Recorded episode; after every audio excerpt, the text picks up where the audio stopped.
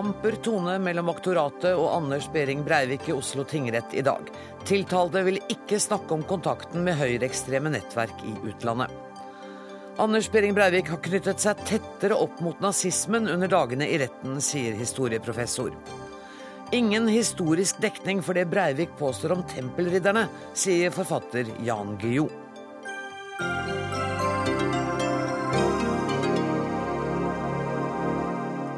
Rettssaken mot Anders Behring Breivik blir også hovedtema i denne utgaven av Dagsnytt 18.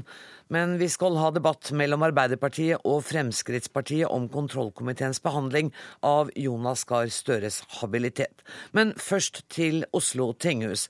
Og NRK-reporter Eva Marie Strand, du har fulgt uh, saken inne fra Oslo tingrett i hele dag. Aktoratet presset Breivik hardt. og jeg har fått vite at stemningen til tider har vært amper. Hva slags spørsmål var det som gjorde stemningen slik i dag? Jo, I dag så handler det jo om det temaet som aktoratet og tiltalte er mest uenige om, nemlig Knights Templar. Og Aktor Inga Beiereng hun prøvde å få ut mest mulig detaljert informasjon om de personene som skal ha fått Breivik inn i denne organisasjonen. Og selve opprettelsen av den. Han har snakka mye om et stiftelsesmøte i London og eh, om denne organisasjonen i det hele tatt eksisterer. Men eh, de spørsmålene hun stilte, da fikk hun eh, ofte svaret det her vil jeg ikke uttale meg om.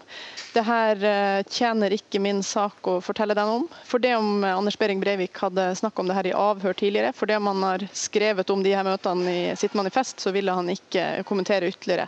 Så Beyer Eng måtte ofte ty til opplesning fra manifestet. Hun måtte lese opp fra politiavhør. Men bekreftet han da, etter at hun hadde lest fra manifestet, at han sto for det som han hadde skrevet, skrevet den gang?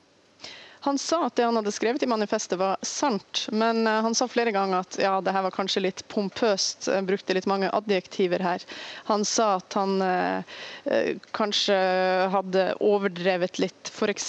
når han skulle anslå I manifestet så anslår han at det var en 15 til 80 selger i Europa, og nå i dag i retten så kunne han ikke si hvor tallet 80 kom fra.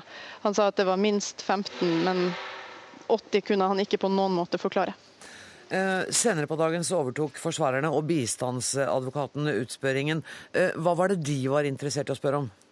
Forsvarer Geir Lippestad har jo som mål å prøve å vise at Anders Behring Breivik er tilregnelig. Så han uh, spurte også om Knights Templar, men han fikk frem at uh, Breivik tidlig, altså allerede i oktober skal ha omtalt Knights Templar som et glansbilde. altså en tanke om en organisasjon mer enn en reell organisasjon.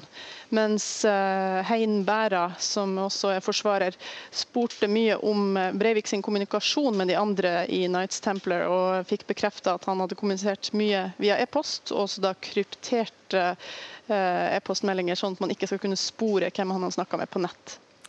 Tusen takk skal du ha, reporter Eva Marie Strand fra Oslo tingrett. Ehm, tiltalte vil i dag heller ikke svare utfyllende på aktors spørsmål om påståtte møter med kontakter i Serbia eller i Liberia eller i London. NRKs ekspertkommentator advokat Frode Sulland, hvordan vil du karakterisere denne dagen i retten? På mange måter så har det jo vært en litt sånn eh, vanlig dag på jobben for oss som driver med dette. Fordi det at en eh, aktor eh, tester ut en tiltalts troverdighet på denne måten Har du vært her og der? Har du brukt kredittkort? Har du brukt telefon? Hvordan har nå dette vært? Det er svært vanlig. og Det er også da svært vanlig at man nekter å svare på alle spørsmål. Og det er svært vanlig at man må foreholde sine politiforklaringer. Så Sånn sett så har det ikke vært noe spesielt ekstraordinært i noe av dette. Men det er tidkrevende, disse detaljspørsmålene? Det er veldig tidkrevende, og, og, spørsmålet er jo hvor langt kommer man i forhold til disse detaljene? Hvilken betydning har de inn mot det som er de sentrale spørsmålene i saken? Og, og det kan man jo fortsatt lure litt på. Ja, Hva er det aktoratet har ønsket å få belyst i dag? Er det hans troverdighet, eller er det hans tilregnelighet? Nei, Jeg har vanskelig for å se at dette strekker seg lenger enn til å belyse hans troverdighet. Og det har jo eh, nettopp sammenheng med at de tydeligvis har eh, et ønske om å føre bevis for at eh, reisende ikke har hatt de formålene han forklarer, at han ikke har møtt de menneskene han forklarer seg om, og at det ikke er etablert noe slikt nettverk som han forklarer. Og hvis de klarer å føre bevis for det, så har de altså tatt ham i å forsøke å fremstille virkeligheten annerledes enn det den er. Men derfra og broen over til spørsmålet om tilregnelighet, det er et ganske langt stykke. Og jeg syns ikke påtalemyndigheten i dag har beveget seg på den veien nærmest overhodet. Men du forventer at det kommer de til å gjøre i løpet av de dagene han skal forklare seg? Det er jeg også usikker på, fordi aktoratet har jo ikke sagt noe om hva de egentlig har som formål med sin bevisførsel når det gjelder Ja, De har sagt at de vil opplyse saken. Det er det eneste de har sagt på pressekonferansen i dag. Ja, og Da skulle man jo tro at de også vil opplyse saken for så vidt gjelder spørsmål om tilregnelighet. Men da må man jo gå lenger og dypere og bakenfor spørsmålet om det er sannhet eller ikke sannhet. Da må man jo prøve å nærme seg hva slags forestillingsverden finnes inne i eh, Behring Breivik. Og man kan ikke begrense seg til et ytre sett av eh, sannheter eller løgner. Hvordan tror du de arbeider? Har aktoratet møter eh, hvor de diskuterer neste dag etter hver rettsdag? Ja, Det er jeg helt overbevist om at de må ha. Eh, for de er jo nødt til nå å trekke trådene videre fra dette og, og, utover i den videre utspørringen, selv om de sier at de skal holde på i bolker. Eh, fordi skal det være noen linje i dette, så må man altså bygge videre for å nærme seg spørsmålene om tilregnelighet eller ikke. Så det kan også hende at man diskuterer strategier, at man kan se at de justerer måten de spør på, f.eks.? Ja, det kan man absolutt tenke seg. Eh, men eh, hvorvidt de nå vil gå over til å ha noen strategi i spørsmålet om tilregnelighet, eller fortsatt fastholde at de ikke har noen strategi, det vet jo ikke jeg noe særlig om. Hvor langt kan Vi hørte at tiltalte i dag veldig mange ganger sa at han ikke ville svare eller ikke ville utdype. Hvor, hvor langt strekker denne retten hans seg til, seg til ikke å forklare seg? Ja, den strekker seg jo helt ut, for å si det sånn. Han kan altså nekte å si noe som helst, og det var vel det han uh, truet litt med indirekte under uh, avbrytelsene av hans uh, oppleste redegjørelse i går. Og så vil han jo kunne sette grenser underveis når det er temaer han ikke vil forklare seg om, og det har han gjort i dag. Han har vært veldig bevisst, veldig konsentrert og krevd å bli respektert på de punktene hvor han ikke ønsker å utdype mer, og han har endog vært bevisst på at han ikke ville gå lenger enn det han har sagt i politiavhør. Sånn at han har bedt om at det leses opp der hvor han er usikker på hvor mye han egentlig har sagt i politiet, for han vil ikke si noe mer nå enn det han har gjort der. Tusen takk skal du ha i denne omgang, advokat Frode Sulland. Islamfiendtlige bloggere og nettdebattanter følger jo selvfølgelig rettssaken mot Anders Behring Breivik. Eh, og mens noen støtter deler av hans budskap, så forsøker andre å skape en avstand mellom seg og Breivik ved å latterliggjøre ham. Lars Gule, du er forsker på ekstremisme og flerkultur ved Høgskolen i Oslo. Du følger med på noen av de sentrale islamfiendtlige nettstedene, bl.a. Gates og Vienna. Hvordan omtales Breivik nå? Som en klovn. Eh, og rettssaken som et sirkus. Eh, og eh, det er nettopp fordi dette er et av de nettstedene som Behring Breivik ikke bare har trykket til sitt bryst, men han, har, han bruker Gates of Vienna så å si som navn på den tankeretningen han står for. The Vienna School, som han kaller det i sitt manifest, og som han også har kalt det i innlegg på, på internett. Så for dette nettstedet er det veldig viktig å distansere seg kraftig fra eh, Anders Behring Breivik. Men har de tidligere uttrykt de samme ideologiske, de samme ideologiske synspunktene som Breivik, altså før rettssaken? Ja, og det gjør de fortsatt. Der er det ingen forskjell. Eh, det er det som er det interessante, at på de internasjonale nettstedene så har ingen sett noen grunn til å endre sin retorikk. De mener akkurat det samme om kulturkonflikt, om innvandring, om trusselen fra islam og jihadister. De anser seg fortsatt for å være kontra-jihadister. Og de bruker i veldig, veldig stor grad akkurat den samme retorikken. Men vil altså skape en stor avstand til Anders Behring Breivik. Hvordan forholder de seg til spørsmålet om hans tilregnelighet? Ja, det varierer nok. Eh, men eh, for en del, og da tenker jeg ikke spesielt på Gates of eh, Vienna, for det har jeg ikke sett hvordan de forholder seg til det, men andre har jo da uttrykt at selvfølgelig er denne mannen sprøytegal, mm. og de hadde ingenting imot den første psykiatriske rapporten. Og dermed sniker det seg inn et konspirasjonsteoretisk element hos en del på internett som sier ja, det kunne man ikke leve med, eh, når, for da kunne man ikke bruke Behring Breivik som balltre mot alle islamkritikere. De må, ha han til, tilkjent, de må få han tilkjent eh, til, Unnskyld, de må få han tilregnelig. Mm. Da kan de bruke hans ideologi mo, og, og, hans handlinger mot alle som deler eh, noe av hans eh, analyse. Så man Igjen ser denne altså, store konspirasjonsteorien. Da får, du, da får du elementer av det hos enkelte postere og bloggere. Didrik Sølvlin, du er redaktør i tidsskriftet Humanist, og vi ser at enkelte nettdebattanter, bl.a. på Facebook, eh, Facebook-sida til Sian, Stopp islamiseringen av Norge, støtter deler av eh, Breiviks budskap. Hva har du eh, sett at terroristen får gehør for i disse islamkritiske miljøene? Altså, Det er jo en del islamkritikere som forsøker å liksom, på en eller annen måte forholde seg til ham at han, han kan ha rett, selv om han er en gærning og selv om han begår grufulle voldshandlinger. Eh, det jeg syns er fascinerende å følge, er hvordan forskjellige høyreekstreme retninger forholder seg til Breivik.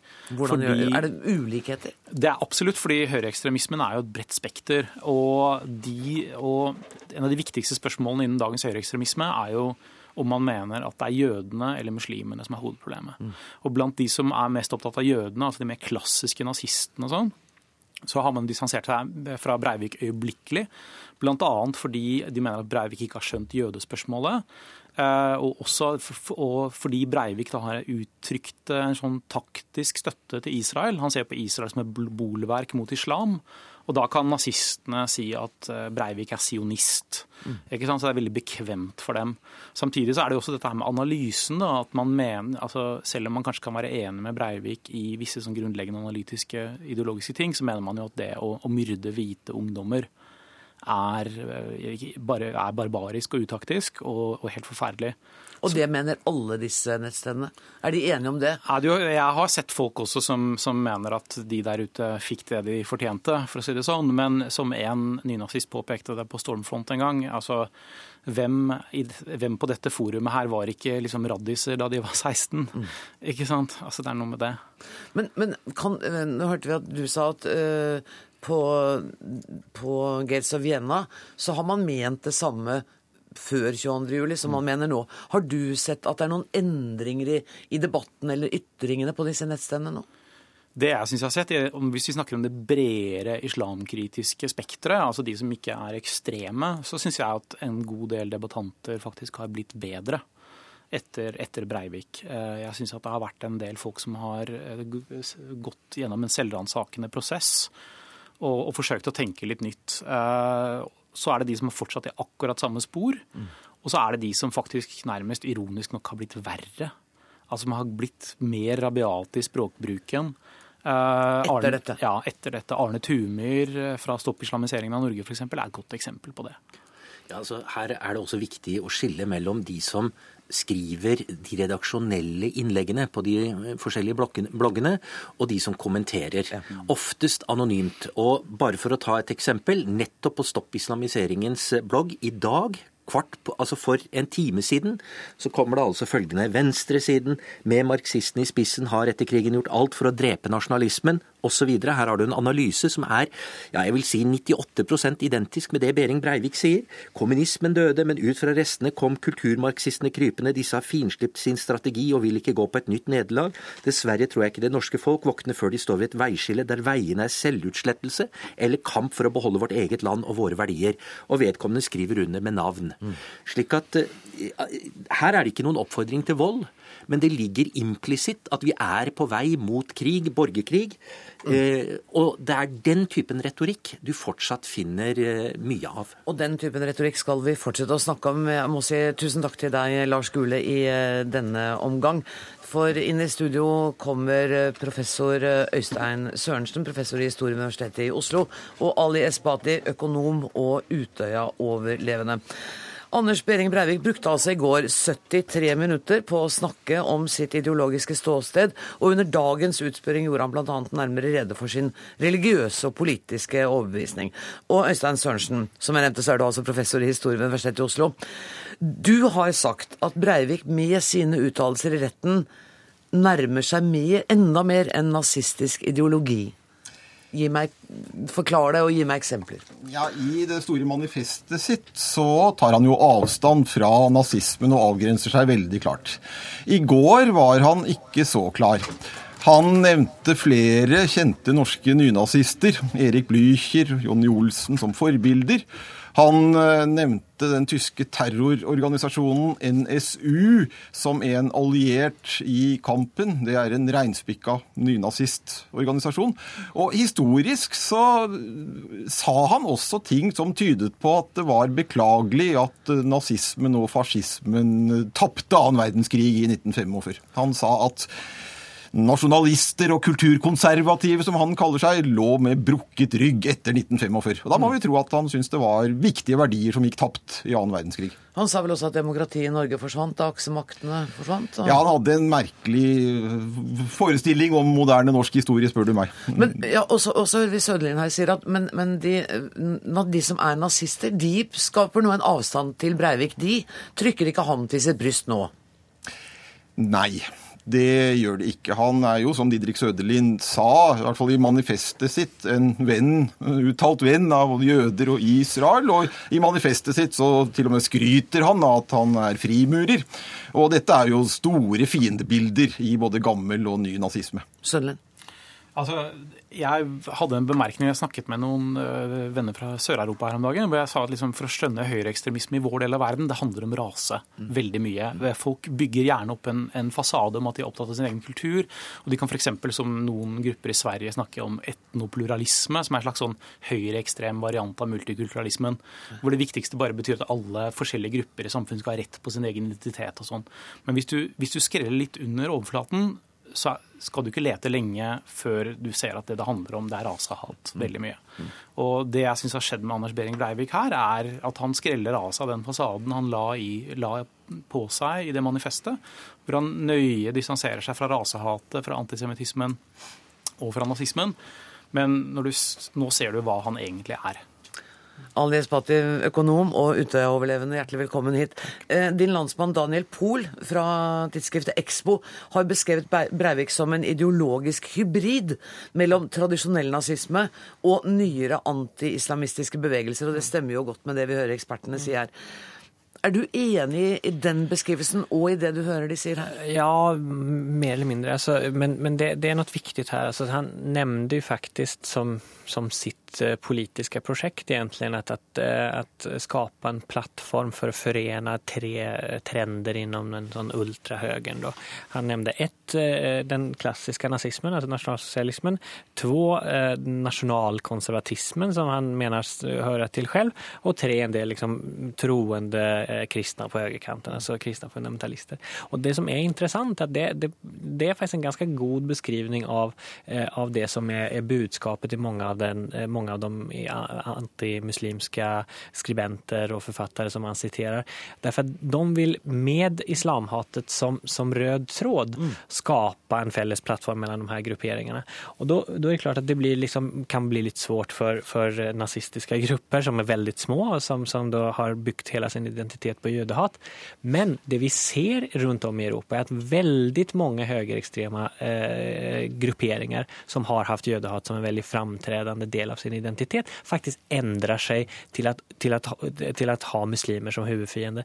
British National Party til eksempel, som er sånn avleggere, så etterfølgere av det britiske nazistpartiet, de, eh, de eh, har, deres ledere har eksplisitt sagt at vi må liksom tone ned jødehatet og gå på muslimene, for så kan vi vinne bredere bredere terreng. Og det er en god beskrivning av den politiske situasjonen i Europa de seneste decenniene. Men, men, virker det som om det også er riktig? At ved å, å fokusere mer på hatet av muslimer, så har de fått flere tilhengere? Absolutt. Derfor at det er jo noe som i mye mye høyere, høyere utstrekning har resonans i, i mye høyere sjikt i samfunnet. Altså vi, vi, finner jo en mengd ulike eh, politiske partier rundt om i Europa som har, som har bygd sin, sine framganger på, på muslimhat. Og vi finner en hel del av de element som finnes i Breiviks tankeverd i mye mer etablerte fora, bøker, nettilskrifter, parlamentariske eh, plattformar, lederartikler. Og det är det som jag menar också är det riktigt farliga. Alltså det, att det har blivit mycket mer, eh, mycket mer mainstream i europeisk politik att kunna säga i princip vad som helst om muslimer. På, på samma sätt som det var en gång i tiden med, med judarna men som idag är mycket mer eh, takk og lov mye mer vanskelig eh, å, å, å, gjennomføre uten å tappe veldig mye kredibilitet i debatten. Sødelin, du har sagt at det ligger en dypt forankret kunnskapsforakt i denne ideologien. Altså, jeg vet ikke om det, ja, jeg vet ikke om det er helt ja, det, riktig det ord å bruke. Det står at du har sagt det til en ja, kollega av meg.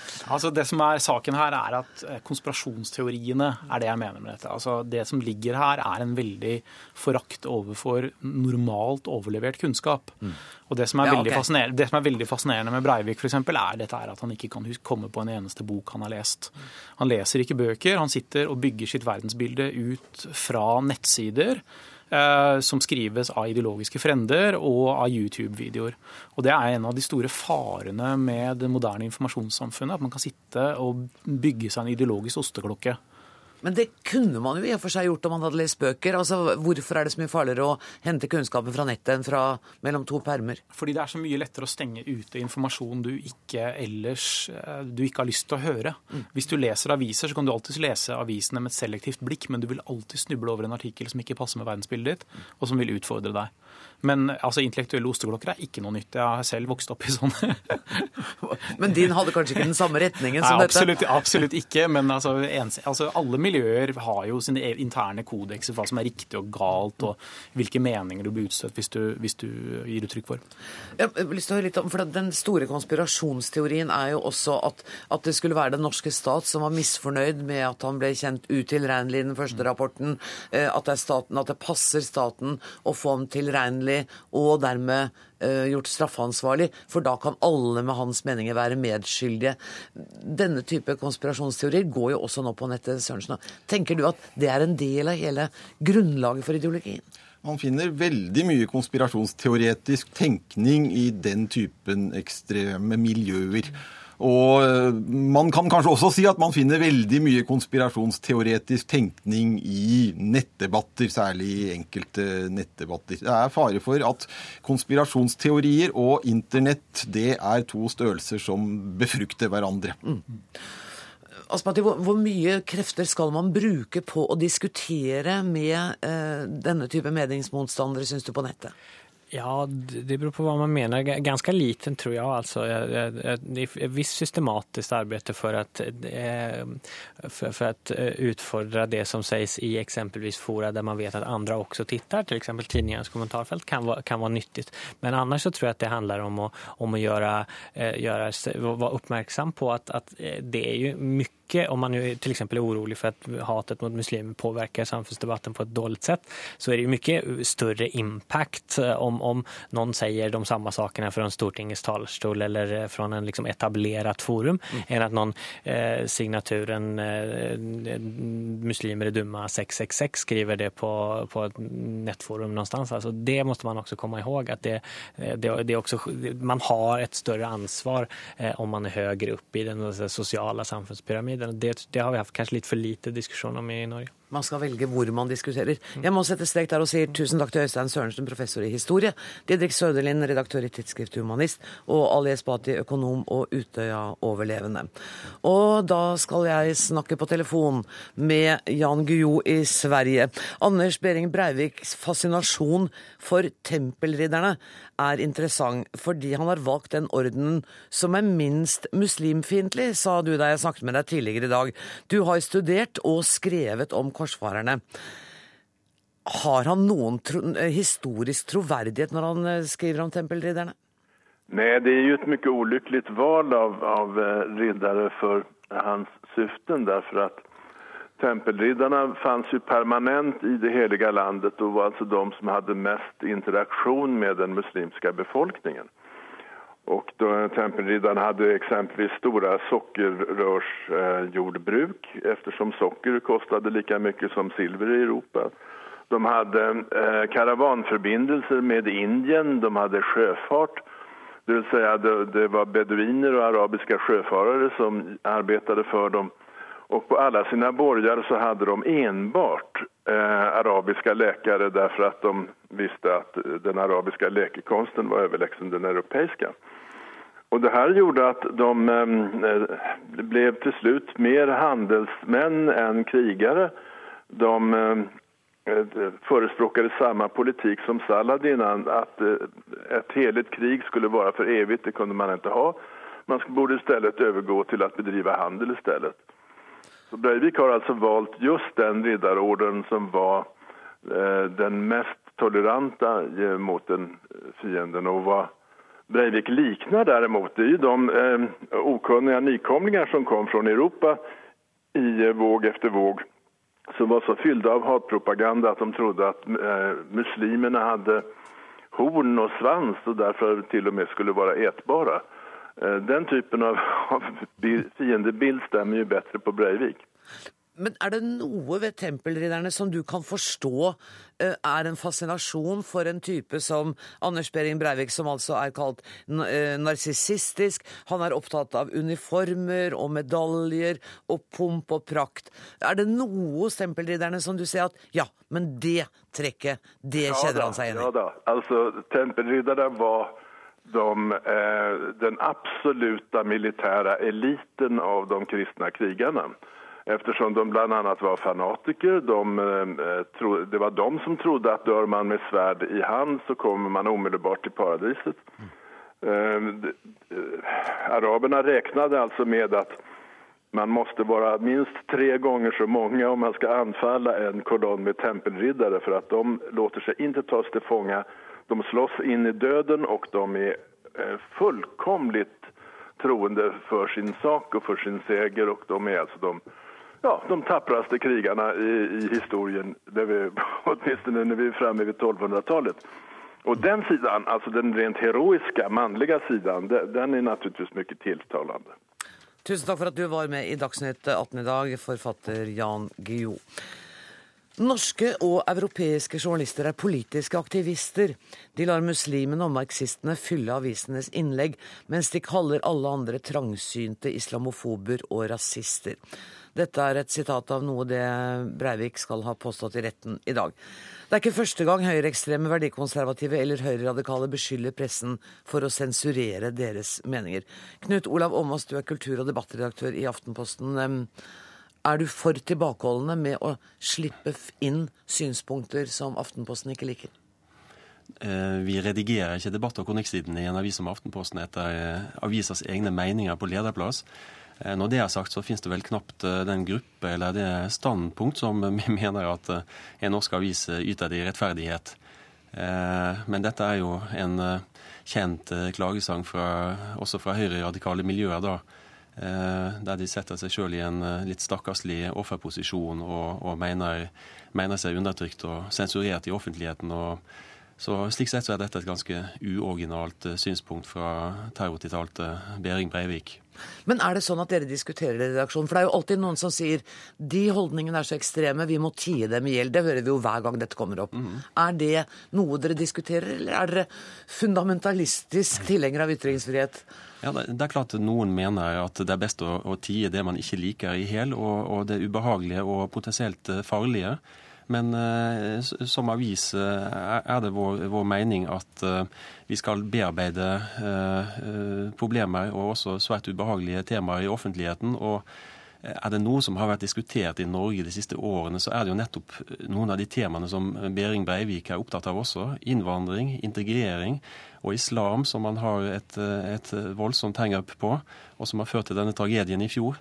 Eh, så disse temaene altså, Det er et større problem at, at, norske medier er for lite flinke til å få fram all den vellykka integrering i det fleretniske Norge. Så, så, dette er en virkelighetsfordreining uten like som Behring Breivik eh, gjør seg skyldig i. Ole Jørgen Anfinsen, du er redaktør for det verdikonservative nettstedet Honest Thinking, hvor du og meningsfeller tar til orde for bl.a. store innskrenkninger i innvandringspolitikken. Du er også mannen bak boka, 'Selvmordsparadigme', hvor bl.a. Fjordmannen har bidratt. Hvordan eh, vil du kommentere det Åmås sier? Jo, jeg eh, er eh, langt på vei enig i det Åmås her sier. Og jeg er jo selv et eksempel på eh, at verdikonservative standpunkter har fått slippe til i mediene. Jeg har tross alt hatt mange leserinnlegg og en del kronikker på trykk, og det er ikke første gang jeg er på besøk her hos dere i NRK. Så jeg kan jo ikke klage på medieoppmerksomheten for min egen del. Ok, Så vi er egentlig fornøyd med situasjonen som den er? Ja... På debattsida? Altså, dere kommer til orde?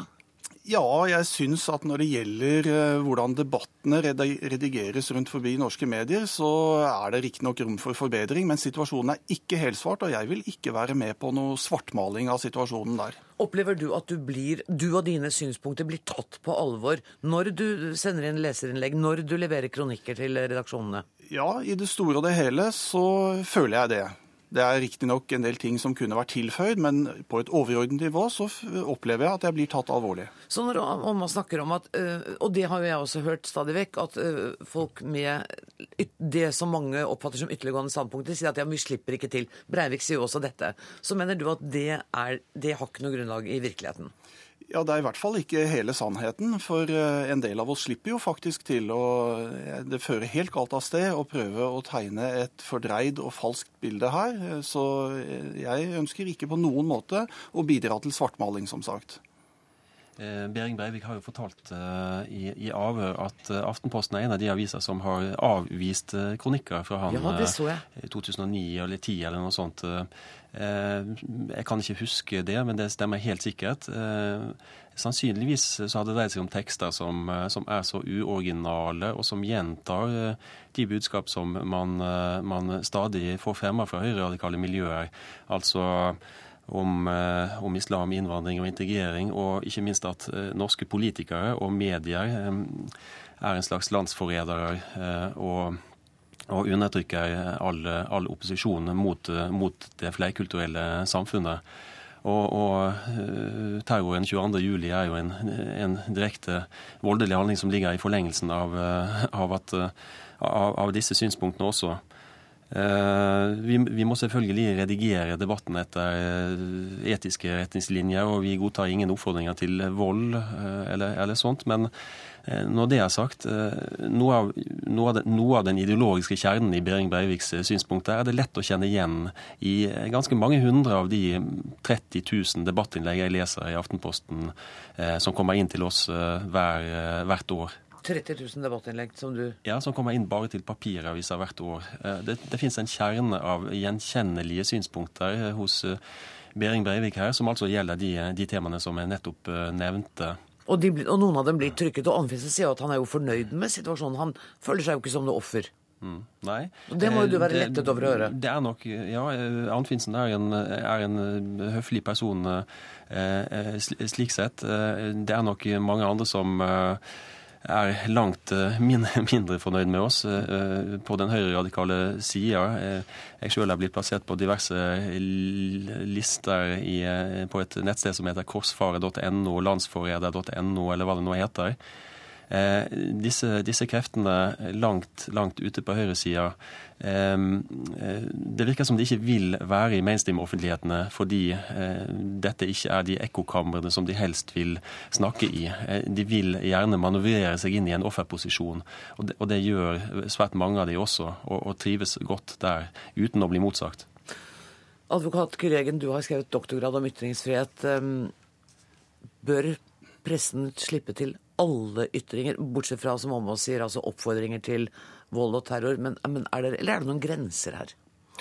Etter mitt syn så må jo mediet selv bestemme hva som skal publiseres. Og Aftenposten er i sin fulle rett til å nekte publisere ting som de ikke mener bør på trykk av forskjellige årsaker, enten det er kvalitet eller de ikke ikke synes noe om meningene, eller hvilke begrunnelser det måtte være. Det som er problematisk rettslig sett, er når det offentlige sier at man må sensurere. Mm. Så i den grad staten skulle lage regler som sier at hvis Aftenposten skal unngå ansvar for det en høyreekstrem måtte skrive på sine nettsider, så må Aftenposten forhåndskontrollere alle ytringer, f.eks. Ja, da er vi på statlig sensur. Så er vi på en helt annen banehalvdel. Ja.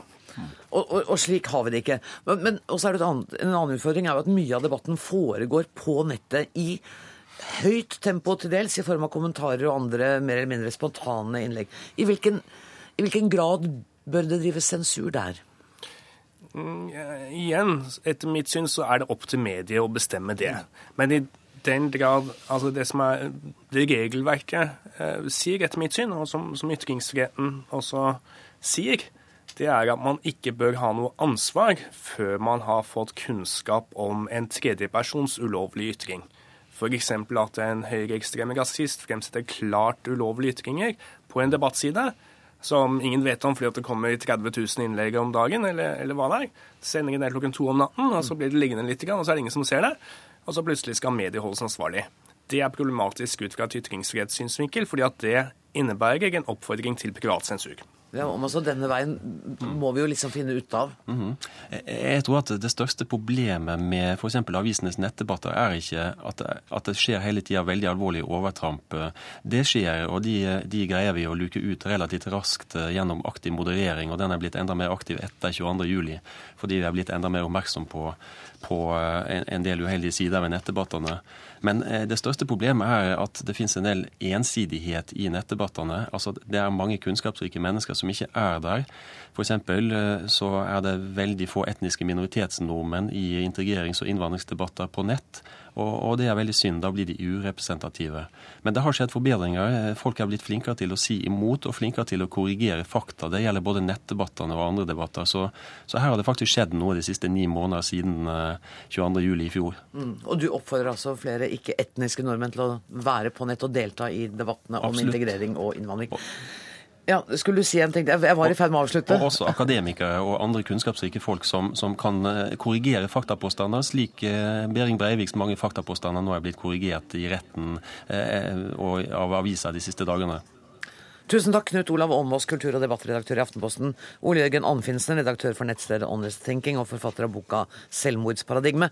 Og til Kyregen, advokat og ekspert på ytringsfrihet.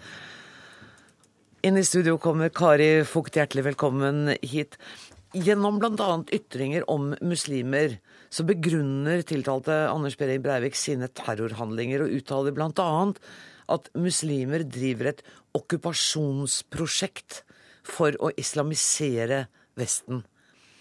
Eh, for det første skulle jeg ønske at du kunne forklare meg hva han mener, men det er kanskje litt mye krevd. Men hva, hva legger du i en sånn påstand? Vel, altså Påstanden er faktisk ganske kjent. Det er en ordinær påstand egentlig i dette, i dette, verdensbildet her. Og det er mange forskjellige varianter av den historien. Nå har dere vært innom forskjellige konspirasjonsteorier, eh, har jeg så vidt oppfattet, der ute. Eh, og dette er jo en av dem, ikke sant. Altså en av de tankene om at det er en planlagt Eh, okkupasjon av den vestlige verden for å tilintetgjøre eh, vår eh, vestlige sivilisasjon. Så, og dette finner man mange steder. Det er ikke en original tanke hos Breivik, dette på noe vis. Og det går ut på Altså det er forskjellige varianter av dette. Eh, eh, enten at eh, fødselshyppigheten er for stor mm. blant denne befolkningen, hvilket er galt. Det viser seg at ved etter ti år så synker fruktbarhet til blir helt det samme som for den andre deler av befolkningen. Eller at det er planlagte, altså et samvirke mellom eh, vestlige politikere og eh, muslimske politikere som sammen skal dele byttet til slutt. Mm.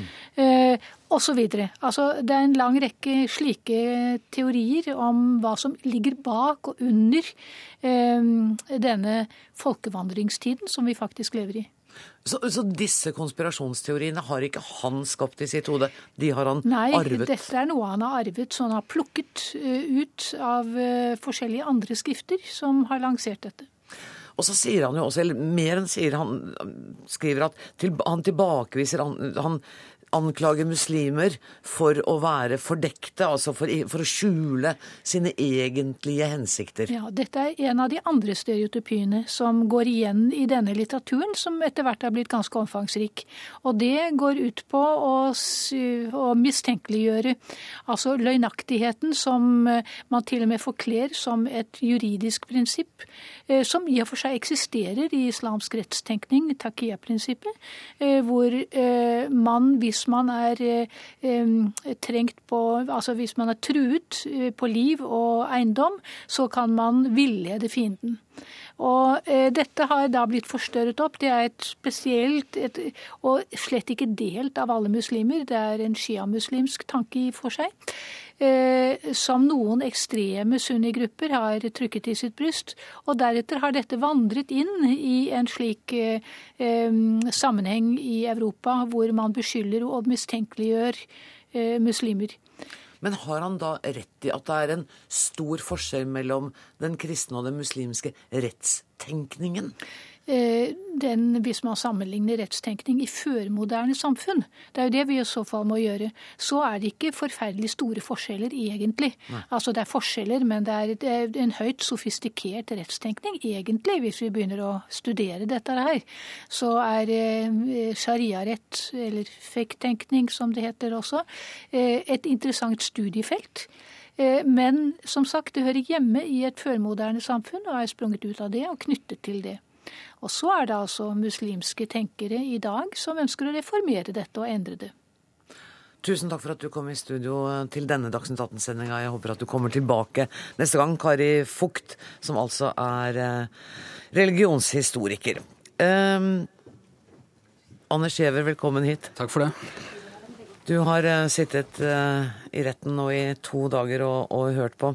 I dag så um, har aktor Inga Berg Eng kjørt en mer eh, konfronterende tone overfor tiltalte enn hun gjorde i går. Hvordan har det gått? Ja, Hun har strammet, eh, strammet voldsomt til. Hun var jo veldig sånn eh, nesten overdrevent vennlig i tonen i begynnelsen i går, og, og gradvis trappet opp. Nei, altså det hun har begynt å, å rekke opp hele den brynjen som tempelridder Breivik har utstyrt seg med. Begynte egentlig med hele hans politiske prosjekt. Eh, dette at han har vært medlem av Fremskrittspartiet, at han hevder i manifestet at det var bombingen av Serbia i 1999 eh, som egentlig gjorde ham til en, en, radikal nasjonalist. Og så viser hun til at på den tiden var du med i Fremskrittspartiet som støttet Nato-bombingen. Protesterte du på dette? Nei, det gjorde han ikke, osv. Hun, hun liksom underminerer hele hans politiske argumentasjon. Og i dag har det gått veldig på om i det hele tatt dette Knights Templar-organisasjonen eksisterer. Og han har jo tatt dette veldig ned. Han har sagt at den måten han har presentert denne Tempelridder-organisasjonen på, har vært en pompøs overdrivelse. Det er et ord han, bruker, ord han bruker igjen og igjen og igjen. Men han nekter liksom helt å si at det ikke eksisterer. Og han sier vel fortsatt at det finnes et par celler i Norge som er klare for aksjon når som helst? Det er to celler til i Norge, og så er det da noen tempelriddere, tre-fire tempelriddere sprent rundt i Europa. Og så var det også en slags sånn eh, kongress for høyre radikale han hadde vært på i, i Eh, Baltikum eh, for noen år siden. Han nekter å gi opp dette her, selv om de dokumenterer ja, men du var bare i Litauen bare i 19 timer. Hvordan kunne du da være på disse møtene og, og sånne ting. De plukker det liksom veldig fra hverandre. Og han blir unnvikende, han svarer ikke helt på det? Han svarer enten så sier han at det ønsker jeg ikke å kommentere, eller så begynner han med bare noe sånn sirkelsvar med at jeg er en uh, militant nasjonalist som er mot dekonstruksjonen av det norske samfunn. Men samtidig så må jeg si at han er han er altså For en mann som tviholder på en jeg vil, jeg vil, vel tro det er løgn, eller i hvert fall det er eh, tviholder på en sånn ting, så er han ganske standhaftig uten å bli kverulantisk. Eh, det er han, han argumenterer forholdsvis rasjonelt og, og, og, gir seg liksom ikke på dette her. Og innimellom så, så fleiper han litt og, og sånne ting. Og, så kan han også gi aktoratet rett innimellom. Når, når Holden, statsadvokat Holden sier at er det ikke best for deg å, forklare dette på en måte som du syns er riktig, istedenfor at jeg legger ord i munnen på ham. Så jeg, jo, det er et godt poeng, og så prøver han å gjøre det. Han, han, prøver liksom å tilpasse seg hele tiden. Men uh, spørsmålet nå er jo om han kommer til å tilpasse seg i den grad at han slutter med denne hilsen hvor han har en knyttet hånd til brystet og så rett ut i, i lufta. For der har jo bistandsadvokatene bedt Forsvaret ta det opp med ham, og det har de gjort. Men dette skjer jo før retten er satt, så det er vel ikke noen disrespekt for, for retten i og for seg? Nei, Jeg trodde han skulle glemme den i dag. Altså, og, og, vi begynte å snakke om eh, bak der hvor jeg satt, at uh, når blir første dagen han faktisk glemmer det? I dag var det sånn litt i huet hast. Uh, Man kan jo skjønne det, at en mann som kommer inn og lager Men altså, dette er jo egentlig ikke en hilsen. Det er, det er akkurat det samme som uh, disse ridderideene og sånn. Det er jo egentlig ingenting. Alt dette har antagelig, vi får si antagelig, foregått inni hodet på Anders Behring Breivik. Uh, da han ringer for å overgi seg fra Utøya 22.07. og sier at han tilhører den kommunistiske motstandsbevegelse organisert i Knights Templer, så er det antagelig første gang verden hører om Knights Templer. Og han hadde bygget det da opp oppi hodet sitt, og så bygges det nå ned av verden utenfor. Tusen takk for at du kom i studio, kommentator i eh, VG, Anders Giæver. Og da ønsker jeg velkommen til Helle Gannestad. Du er student og fotojournalist og samfunnsdebattant, og du var medlem av AUF i, i fjor. Du er kvinnen bak en kampanje som heter Hva gjør deg glad? Og den sprer seg nå på de sosiale nettstedene. Hva slags kampanje er dette? Jeg vet ikke helt om kampanje er helt det riktige ordet. Men idé, da. En idé. Mm. Det starta med at jeg var veldig langt nede på mandag. Og jeg tenker det er veldig mange som følte akkurat det samme når rettssaken begynte. Og skulle jeg gå rundt i ti uker og føle meg langt nede? Det var et spørsmål jeg stilte meg sjøl. Så jeg spurte en kompis eh, hva har du smilt av? Og da fikk jeg til svar at han hadde sittet i klassen og fleipa med venner, og det hadde gjort han glad. Mm. Og da fikk jeg et smil om munnen sjøl, så jeg tenkte det må jo finnes flere der ute som har lyst til å dele positive opplevelser. Og det gjør de? Ja, det gjør de i fleng. Hva har du smilt av før du kom hit i dag? Åh, det, det, er faktisk ganske mye. Jeg har hatt en ganske fin dag. Eh, jeg har smilt med kollegaer i Drammens Tidende, der jeg er utplassert denne uka her. Og når jeg kom tilbake til Oslo nå, så smilte jeg av de fine blomstene på trærne utafor blokka mi. Og på tur hit så smilte jeg til en gammel dame som satte seg ned ved siden av meg. Og jeg har smilt av kaka, og jeg har smilt av litt av hvert. Veldig mange husker deg, Helle Gannestad, fordi eh, jeg bør ikke si mer, vi skal høre på Jens Stoltenberg. Om én mann kan vise så mye hat, tenk hvor mye kjærlighet vi alle kan vise sammen. Det var du som skrev disse ordene på nettstedet Twitter 22. Eh, juli. Hvordan har disse ordene fulgt deg i månedene etterpå? Det, det, har jo selvsagt vært mye positiv oppmerksomhet rundt det. Eh, den første tida etter 22. juli så flytta jeg ned til Oslo. Og eh, dagene gikk i ett. Jeg gikk inn og ut av intervjuer av norske og utenlandske presser. Og jeg gikk inn i en slags sånn boble. Eh, jeg skjøv sorgen litt bort fra meg sjøl, fordi jeg tenkte det er mye viktigere å spre budskapet. Og på den, måten, på den måten så har Eh, budskapet gjort meg mer, mer engasjert. Eh, jeg har eh, starta samarbeid med Antirasistisk Senter, hvor vi selger armbånd med sitater på. samtidig som jeg skjøv sorgen litt unna, så merka jeg jo at det tok veldig mye av meg. For jeg er jo ganske ung, jeg starta en ny fase i livet. Men det er utrolig fint å kunne se tilbake på at jeg kunne ha bidratt på den måten. Og akkurat nå bidrar du til at vi også i det som er en utrolig krevende og vanskelig tid for mange, så har vi overskudd til å dele et smil. Tusen takk for at du kom i studio. Helle takk for at jeg fikk komme.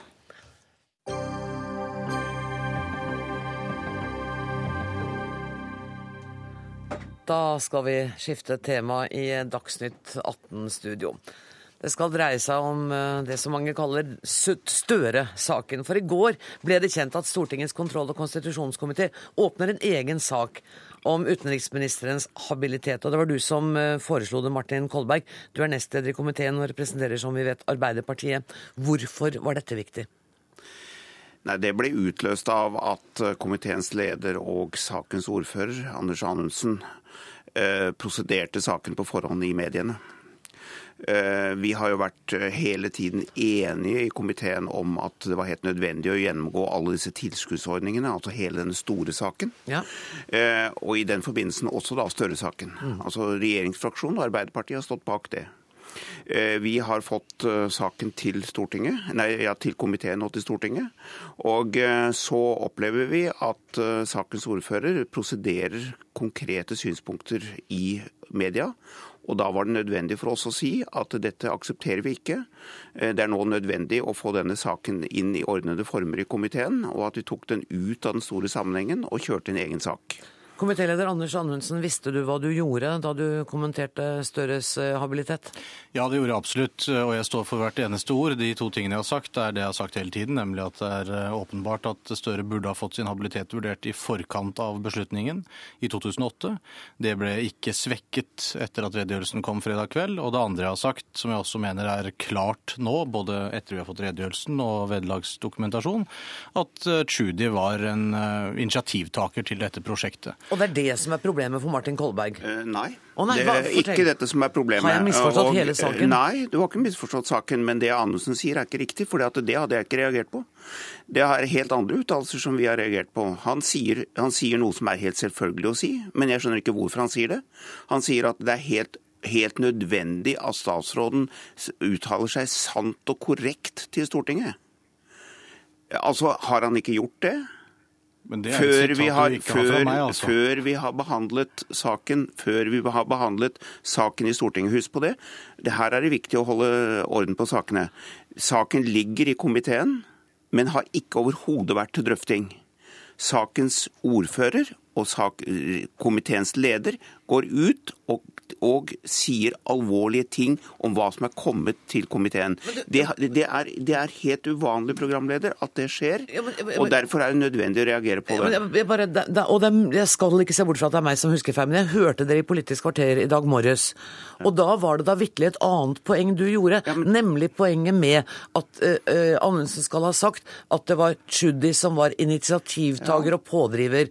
Mens også- nå sier du at hovedpoenget Nei. ditt er at han Det er, begge, det, er, det, er, det, er, tre forhold hvis, at, hvis, vi får, hvis vi får tid. Ja, det ene er det første som jeg nevnte, som jeg ikke repeterer, men som jeg viser til. Det, andre, det andre er det som du nå tar opp, nemlig at han sier at det er hevet over enhver tvil før komiteen har sagt sitt at det er Tschudi som er pådriver, og ikke Rederiforbundet. Og det er et av sakens viktige poenger.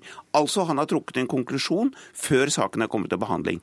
Jeg sier ikke at ikke Anundsen har rett til å mene dette, men jeg sier da var det nødvendig for meg å ta et initiativ i komiteen, som komiteen da sluttet seg til på dette grunnlaget, og ta dette ut og åpne egen sak. Det er selvfølgelig en kritikk av Anundsens håndtering, som jeg syns han burde ta til etterretning, istedenfor å protestere. Da hadde vi kommet over på noe som er meget viktig, nemlig å opprettholde komiteens autoritet som kontrollorgan. Men, men dette illustrerer jo mitt poeng, fordi at eh, jeg mener dette er en klar avledningsmanøver fra Arbeiderpartiets side, hvor de prøver å få fokus bort ifra det som er saken. Det jeg har sagt er altså en kommentar til noe som fremstår som helt åpenbart, basert- på den dokumentasjonen vi har, og som er omtalt offentlig i forskjellige aviser.